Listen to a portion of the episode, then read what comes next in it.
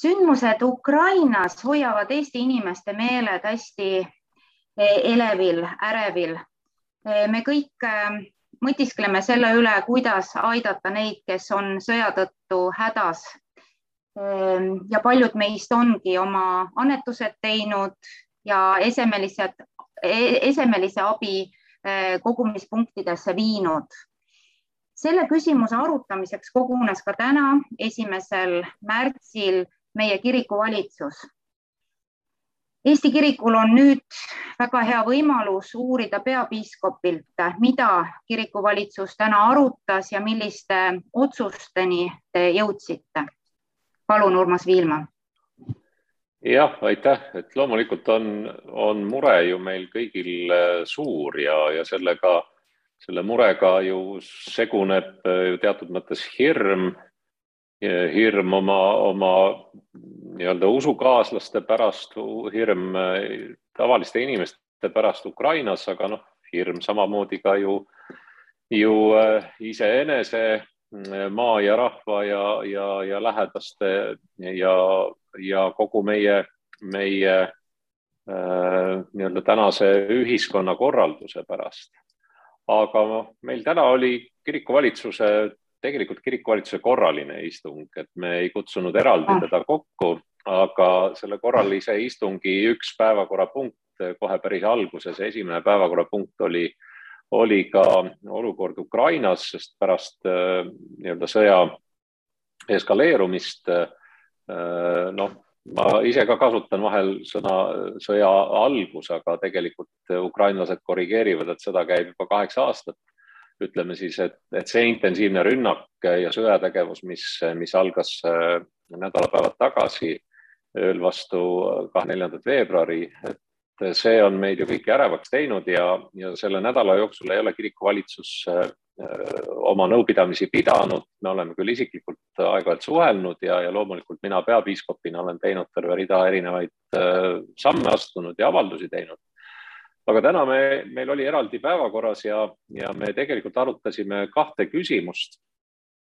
esiteks, kuidas aidata Ukraina rahvast, millised on meie võimalused aidata rahvast, ukrainlasi ja, ja see oli kompleksne küsimus.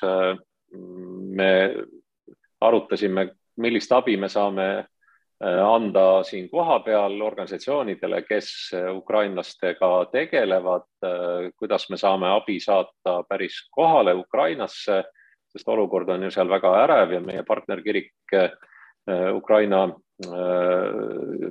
Saksa emakeelne luterlik kirik on nende peakorter asubki lausa Harkivis, kus täna on olnud hästi intensiivsed, äh, intensiivsed äh, pommitamised. ja, ja pikalt arutasime ja mm, jõudsime siis, siis otsusele äh, eraldada reservfondist lausa siis teha eraldi rahaline, rahaline toetus kahekümne tuhande euro ulatuses, mis arvestades meie kiriku võimalusi on, on, ma arvan, et üks, üks äh, ajaloo suurim selline, selline rahaeraldus. Samas meil on valmidus, kui peaks olema tarvidus, siis me oleme valmis äh, veel äh, vaatama võimalusi ja vahendeid. ja, ja see kakskümmend tuhat eurot siis esialgu jagunes äh, toetuseks äh, Luterlikule Maailmaliidule, kes on käivitanud ülemaailmse kampaania äh, Ukraina toetuseks raha kogumiseks ehk siis erifondi Luterlikule Maailmaliitu, teiseks Tallinnas tegutsev Ukraina Kultuurikeskus ja meie, meie siis sellised kristlikud vennad ja õed Ukraina kreeka-katoliku äh, koguduses Tallinnas laboratooriumi tänaval, kes, kes seal toimetavad, et neid toetada rahaliselt, kui mu mälu mind ei peta, siis see oli kolme tuhande euro suurune rahaeraldis, viis tuhat oli siis Luterliku Maailmaliitu ja kaks tuhat otsustasime saata otse siis meie sõsarkiriku, Ukraina kiriku teoonia üksusele. Need rahaülekanded on kõik toimunud ja kümme tuhat eurot on jäänud esialgu veel selleks, et, et oodata nüüd konkreetsemat abivajadust veel Vaavo Üprusega eile rääkides ta kasutas päris kena väljendit, et maratonijooksja ei vaja veepudelit tingimata jooksu alguses. mis tähendab seda, et me peame olema valmis abi ka edastama või abi andma ka, ka mõne aja pärast uuesti ja, ja selleks see kümme tuhat ka praegu reservis on siiski sihitusega Ukraina toetuseks ja teine asi, me oleme käivitanud ju ka ikkagi Äh, kaardistamise, kuidas toetada põgenike vastuvõtmist meie kogudustes. viimased andmed äh, nüüd on, on siis teisipäevase seisuga, et esialgne äh, kaardistus näitas, et umbes suurusjärgus kaks, kakssada inimest võiks meie koguduste ja kiriklike asutuste baasil saada peavarju ja, ja see on praegustel andmetel isegi ületatud see jaguneb küll, küll kolme, kolme sellisesse kategooriasse, et Äh, on, on kiiret abi vajavad sellised äh, teatud mõttes nagu äh, suuremate saalide ja madratsite baasil mõneks päevaks maksimum antav peavari, siis võib-olla mõneks nädalaks antav peavari ja, ja kolmas on siis juba, juba sellised eluasemed, kus saaks terve perega jääda elama pikemaks ajaks ja, ja siin me loomulikult oleme partnerluses kõigi teiste organisatsioonidega, kes Eestis praegu toimetavad, sealhulgas siis pagulasabi, kellest väga, väga palju on juttu olnud. ja, ja need olid meie arutelu teemad. samamoodi on mure, mure ju ka selles, et kui tulevad sõjapõgenikud, nad vajavad ka vaimset tuge, nad vajavad hingehoidu. on vaja inimesi, kes on keeleoskajad, selleks on on Sotsiaalministeeriumi äh, peakaplan nõunik Katrin, Katri Aasla-Tepandi saatnud kirikutele laiali omakorda üleskutse, et oleks vabatahtlikke, kes tuleksid appi ja aitaksid Ukraina äh, põike siis äh, kohaneda, oleks neile siis toe, tugiisikuteks. ja, ja ka see on meie kiriku inimestele laiali läinud, see üleskutse ja, ja lisaks kõigele võttis kirikuvalitsus äh, täna vastu ka konkreetse äh, pöördumise äh, või avalduse seoses sõjaga Ukrainas. et olen mina ise väljendanud noh, üsna, ma arvan, selgeid seisukohti Ukraina sõja osas juba Eesti Kirikute Nõukogu vabariigi aastapäeva hommikul, kui oli vaid mõni tund möödas selle sõjategevuse algusest, äh, tegi avalduse, mis, mis oli adresseeritud rahu saavutamisele. mina oma jutluses vabariigi aastapäeval pöördasin tähelepanu äh, Ukraina sündmustele ja, ja sõjale. palvus, mis toimus laupäeval enne suurt meeleavaldust Tallinnas Vabaduse väljakul, oli palvus enne seda ju ka Kaarli kirikus, kus, äh, kellel on, on huvi, saab selle jutluse teksti üles otsida ka e-kirikust või, või ka ilmus see ilmalikus meedias või ka vaadata seda palvest järele. seal on selgelt, äh, olen sõnastanud ka, sidunud äh, siis Putini režiimi kurjusega ja, ja öelnud, et, et see selline režiim Äh, ei ole kindlasti midagi, mida me keegi saaksime toetada, ehk siis olen, olen selle režiimi hukka mõistnud. aga kirikuvalitsus äh, ei ole saanud veel väljendada selget seisukohta äh, sellise kollektiivse organina ja täna me oleme sõnastanud ka avalduse, mis natukene ka haakub minu äh, Äh, Karjase kirjaga, kus ma samamoodi mõistan hukka Putini, äh, nimetades lausa Putinit nimepidi ka selle režiimi ja, ja äh, selles avalduses, mille konsistoorium on täna vastu võtnud, siis vastlapäeva kuupäeva, esimese märtsi kuupäevaga, seesama avaldus siis samamoodi mõistab hukka väga otsesõnu Äh, tsiteerin, ERK konsistoorium mõistab hukka Venemaa juhtkonna algatatud sõjalise rünnaku Ukrainale. sõda ohustab Ukraina riiklikku iseseisvust ning on juba toonud kaasa tuhandeid inimohvreid, sealhulgas rahulike elanike seas. ja, ja see on vaid üks kild sellest äh, avaldusest, mis, mis siis ka avalikkuseni äh, jõuab.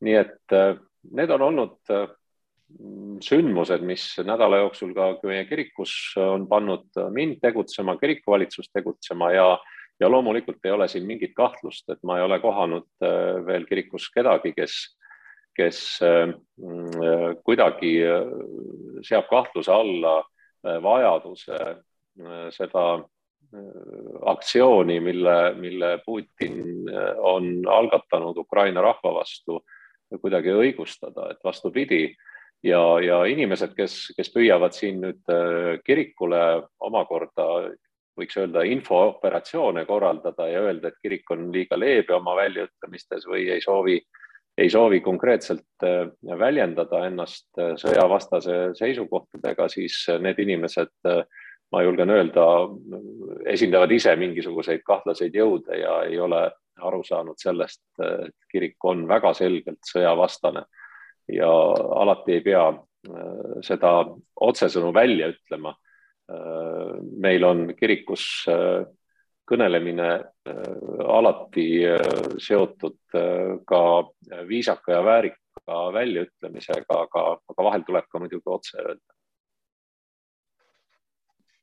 suur tänu, peapiiskop, selle informatsiooni ja intervjuu eest, mis suurepäraselt väljendas seda, et ELK alustades oma valitsusest, aga hõlmates igat kogudust, on väga selgel positsioonil, äh, solidaarsel positsioonil äh, Ukrainas äh, elavate inimestega ja mõistab selle agressiooni otseselt hukka ning on valmis väga otseselt nii sõna kui teoga aitama hädas olijaid. suur tänu.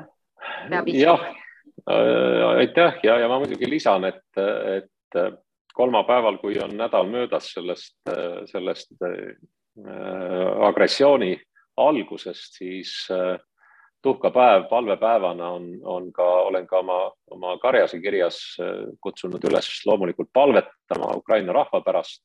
ja, ja see on see, mida meie kristlastena teha saame, et seda ei meie eest mitte keegi teine, et, et saavad inimesed hügieenitarbeid viia kogumispunktidesse, inimesi vastu võtta aga palvetada oskavad ja saavad need inimesed, kes, kes seda igapäevaselt teevad. ja, ja see on kindlasti meie kiriku ülesanne ja, ja kolmapäeva õhtul kell kuus ka helisevad kirikute kellad selleks, et mälestada tõepoolest nüüd juba tuhandeid inimesi, kes on, on selle nädala jooksul selles sõjas surma saanud. just ja aitäh ja head paastoaja algust. rahu kõigile. aitäh. tere, õpetaja Aavo Üpruse.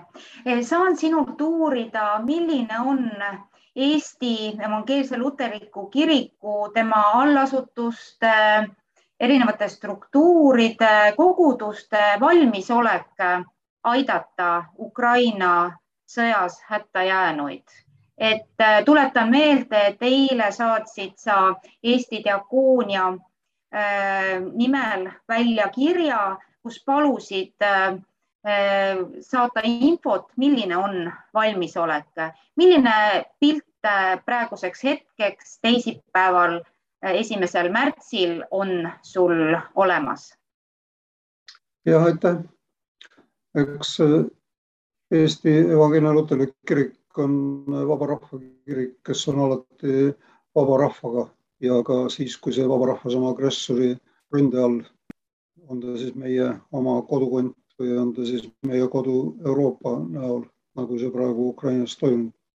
ma tõesti pöördusin palvega kõigi Eestimaa koguduste ja ERK allasutuste poole, et nad kaardistaksid oma võimalused kahekümne nelja tunniga ja sellel pinnal, mis äh, mul praegu vastuseid on äh, kogunenud, tõsi ta on, et siin on veel, veel neid kindlasti palju teel, on meil pakkuda päris, päris kindlalt ligi kakssada kohta, kui see vajalikuks peab osutuma. lisaks sellele siis ka hingehoidjate abi nii otseselt nende majutuskohtade juures siis, kui siis ka nagu laiemalt äh, koostöös hingehoiukeskusega ja ja ka Sotsiaalministeeriumi peakaplan Katri Aaslov-Tepandiga ja hingehoiu ja diakoonia assessor Ove Sandriga. kui heaks sa seda valmisolekut praeguse seisu põhjal julged hinnata? sõda algab järsku. ja siis ei saa loota, et kõik on kohe esimesel päeval püssi all rivis. küll aga ma arvan, et see on praegu vajadustele vastav ja kui Eesti riik on äh, lubanud vastu võtta kaks tuhat inimest ja kirik võtab sellest kümnendiku, siis see proportsioon on igati arusaadav ja mõistlik. aga kindlasti ma usun, et väga paljud teised vabaühendused ja, ja ka ERK välised kogudused ja kirikud tulevad meiega kaasa, juba praegu on, on meiega kaasa tulnud nii meie varjupaikade süsteem, mis, milles on enamasti nagu vabakoguduste inimesed, samuti ka metodisti kirik ja metodisti kiriku laagrikeskus Gideon ja see on, see on ilmselt oluliselt suurem number, kui ma nimetasin, aga ma püüdsin olla konservatiivne ja eile välja saadetud kirjas soovisid sa seda teavet äh, tänaseks. Äh, milline on su sõnum täna? Mm, kas äh, need kogudused, erinevad struktuuriüksused, kes tunnetavad täna veel soovi ja näevad oma võimalust osaleda, kas nad võiksid veel jätkuvalt samal aadressil Eesti Diakooniale teada anda oma konkreetsest valmisolekust? kahtlemata Jumal tahab, et tema kirik oleks alati valmis. ja ma ei ole sedavõrd sinisilmne, et ma arvaksin, et see sõda saab lõpule oma lõpuga ja ma ei arva ka, et see lõpp on nii väga lähedal. seetõttu kahtlemata võib-olla isegi see vajadus on nädala pärast ja kuu pärast võib-olla ka kuue kuu pärast oluliselt suurem, kui see on täna. aitäh, õpetaja Avo Üprus. õnnistust ja rõõmu Ukrainas toimuv on tekitanud paljudel kogudustel soovi avaldada solidaarsust ja toetust, toetust neile, kes on sõja tandrile jäänud, kes kaitsevad oma kodu ja kodumaad.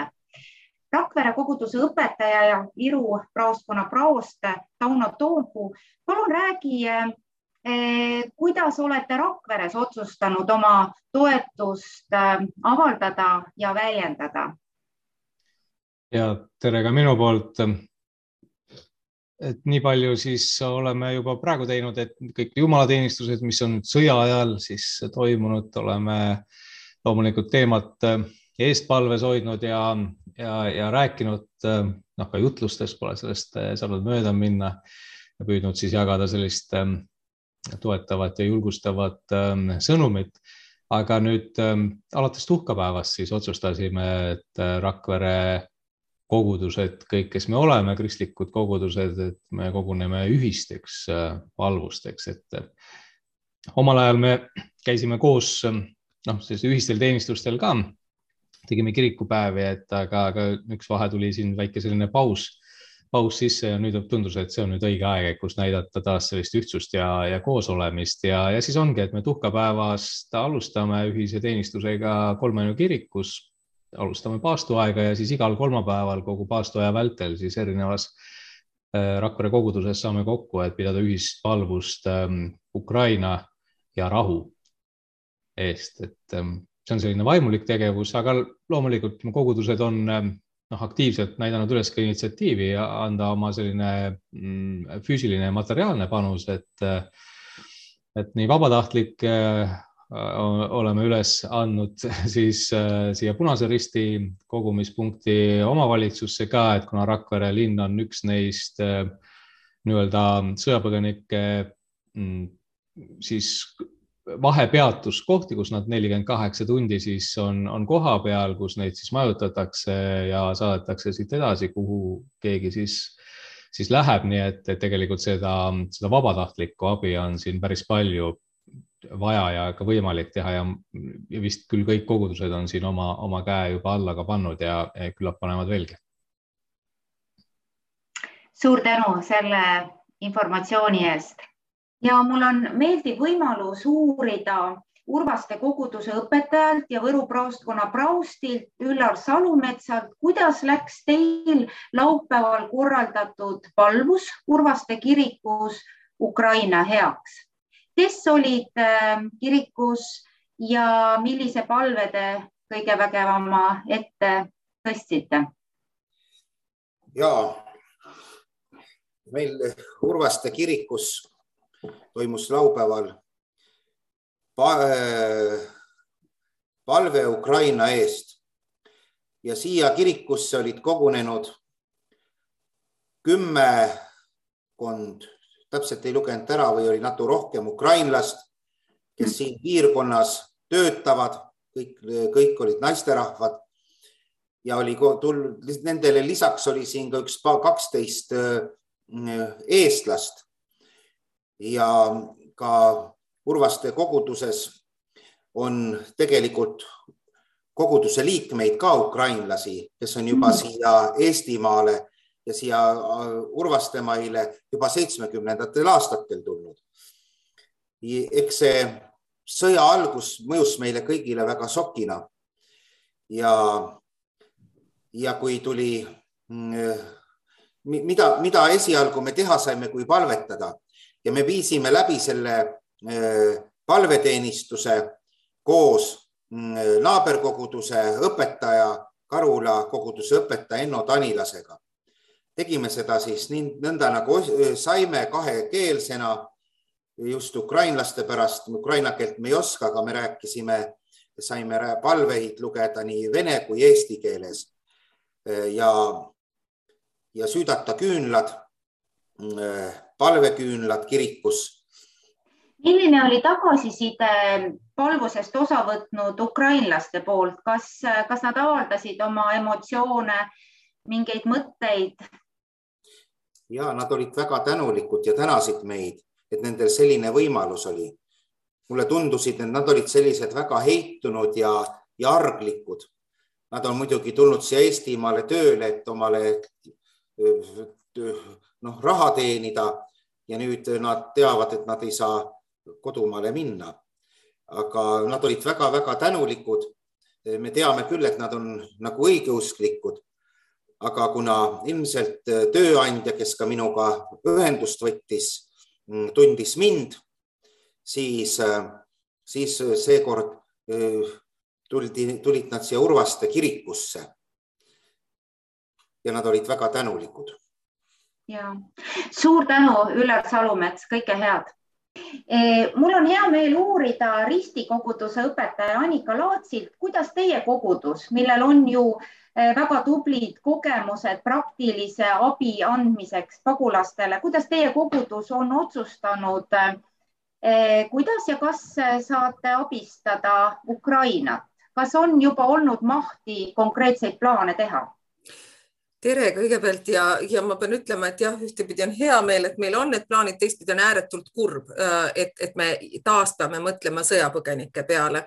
Äh, käisin täna just külas meie Süüria perel, rääkisime nendega, kes nad on sõjast tulnud, äh, kuidas neil kangastub kõik see, mille eest nad siia pagesid ja kuidas nad praegu mõtlevad Ukraina peredele ja lastele, kes sedasama läbi peavad elama. see on tegelikult ääretult traagiline, et me oleme äh, taas selles seisus, et on küsimus äh, sõjapagulaste majutamises ja abistamises.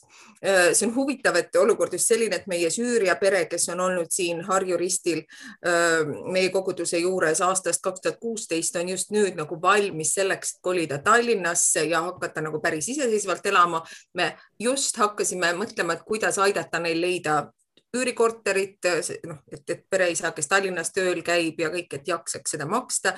see on nagu selline kutse kõigile, kellel on mõni hea mõte kuidas aidata sellel perel Tallinnasse liikuda ja samal ajal nüüd siis tuli koheselt üles see teema, et aga kas me oleme järgmiste sõjapagulaste jaoks valmis.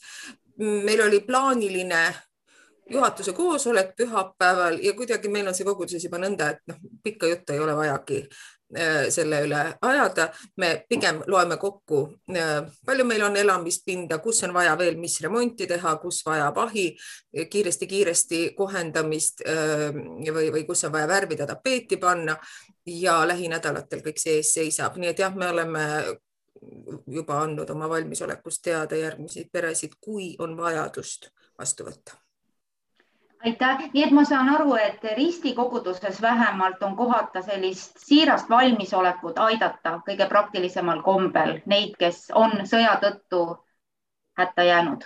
ja pole küsimustki just ja noh, meil on see kuidas ma ütlen, meil on see kogemus väga selgelt ka olemas mm, -hmm. kuidas ääretult kiiresti mobiliseeruda, kõik vajalik kokku koguda ja, ja inimesed on kuidagi sellesse nagu niimoodi sisse kasvanud, et see on midagi, noh, milleta kuidagi oleks nagu raskegi kristlane olla või mis see ristiinimeseks olemine siis veel nagu tähendada võiks.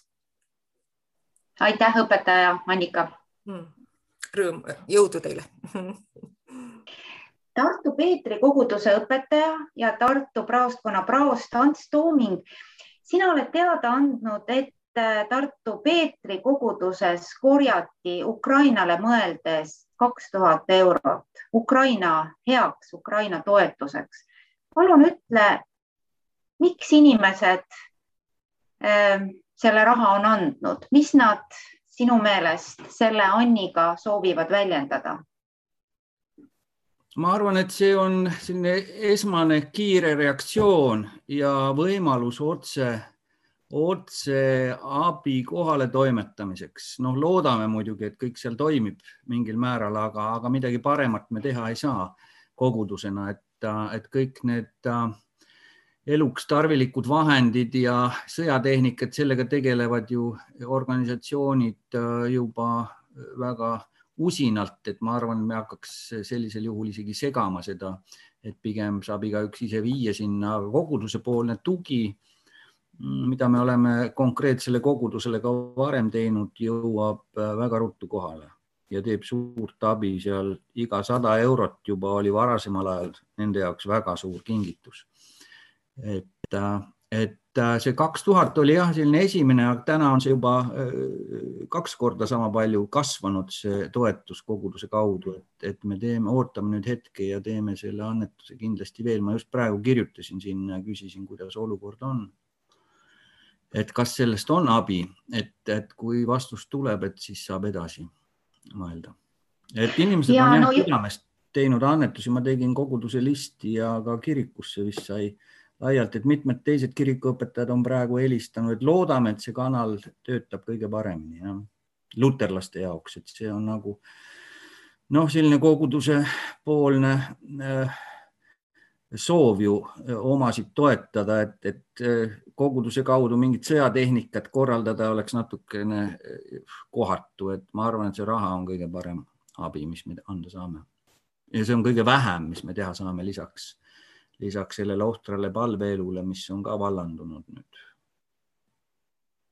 Ja no just, võib-olla on paljudele üllatuseks isegi, et Ukrainas on evangeelne kirik kohal, et luterlikke kogudusi on. Ja mul on rõõm kuulda, et Tartu Peetri kogudus on siis varasematki, varasematki suhetes sealsete luterlike kogudustega. No see väga vana see suhe ei ole, et eks noh, neid Ukraina luterlasi ole varemgi ju nähtud, et me oleme nendel rahvusvahelistel kokkusaamistel käinud ennem ja nüüd, et võib-olla üheksakümnendate aastate algus tundus see kuidagi võõristav, aga aga Ukraina luterlased on väga hästi teinud, nad ju hävitati praktiliselt täiesti, see oli suuresti saksakeelne, saksa, saksa rahva taustaga kogudused seal, nad olid väga suured, see konkreetne Harkovi äh, kirik oli noh, ütleme selle Tartu Peetri sarnane või meie suuremate pühakodade mõõtu. et see kisti Stalini ajal ikka täiesti maha ja tehti sinna kortermajad peale, nii et nad on kogudustena nüüd üheksakümnendate või selle pöörde järel kogunenud taas, et et see suvine kontakt, mis mul viimati oli, et seal noh, me rääkisime palju, eks neil ole ka igasuguseid probleeme seal kiriku ehitamisel ja taastamisel olnud, aga see hetk oli siis kuusteist kogudust üle kogu Ukraina ja nendest kaks jäid mhm. Krimmi aladele, eh, kelledest siis suurt midagi hiljem teada ei ole, et tõenäoliselt seal nad sattusid täielikku infosulgu, aga need neliteist nii-öelda suurele Ukrainale jäänud eh, kogudust tegutsevad väga vilkalt ja see presentatsioon, mis meile seal tehti, ma olin nimelt Wittenbergis, kus olid eh, nii-öelda Ida-Euroopa alla äh, siis äh, nimetatud äh, riikide luterlased koos. et päris korralik grupp oli ja ma arvan, ligi kümmekond erinevat maad olid seal esindatud nii pastorite kui kirikuõpetajate või pastorite kui ka kiriku töötegijate tasandil, et et seal oli kohe tunnetatav meie seas, et ukrainlased vajavad abi ja noh, muidugi ega seal Poola ja Tšehhi ja Slovaki luteri kirikutel ka nüüd hiilgavalt ei lähe, et me seal lätlastega olime nagu, nagu sellised noh, tõesti läänemaailmast tulnud oma olukordade ja võimalustega. Et see pani noh, vähemalt minu mõtted ja selle Läti sõbra mõtted küll mõtlema selle peale, et, et neid saame ju toetada piskuga, et me tegime kohe sügisel ühe korjanduse kogudusena ja jõulukorjandus oli päris korralik, et need läksid otse sellele kontole, et see ei lähe ka otse selle, selle Harkivi koguduse mm, käsutusse, vaid ikka see on mingi ühendatud diakoonia diakoonia talitus, mis siis on ka Saksa pangaga, Saksa panga kaudu ühendatud, et see abi jõuab õigesse kohta.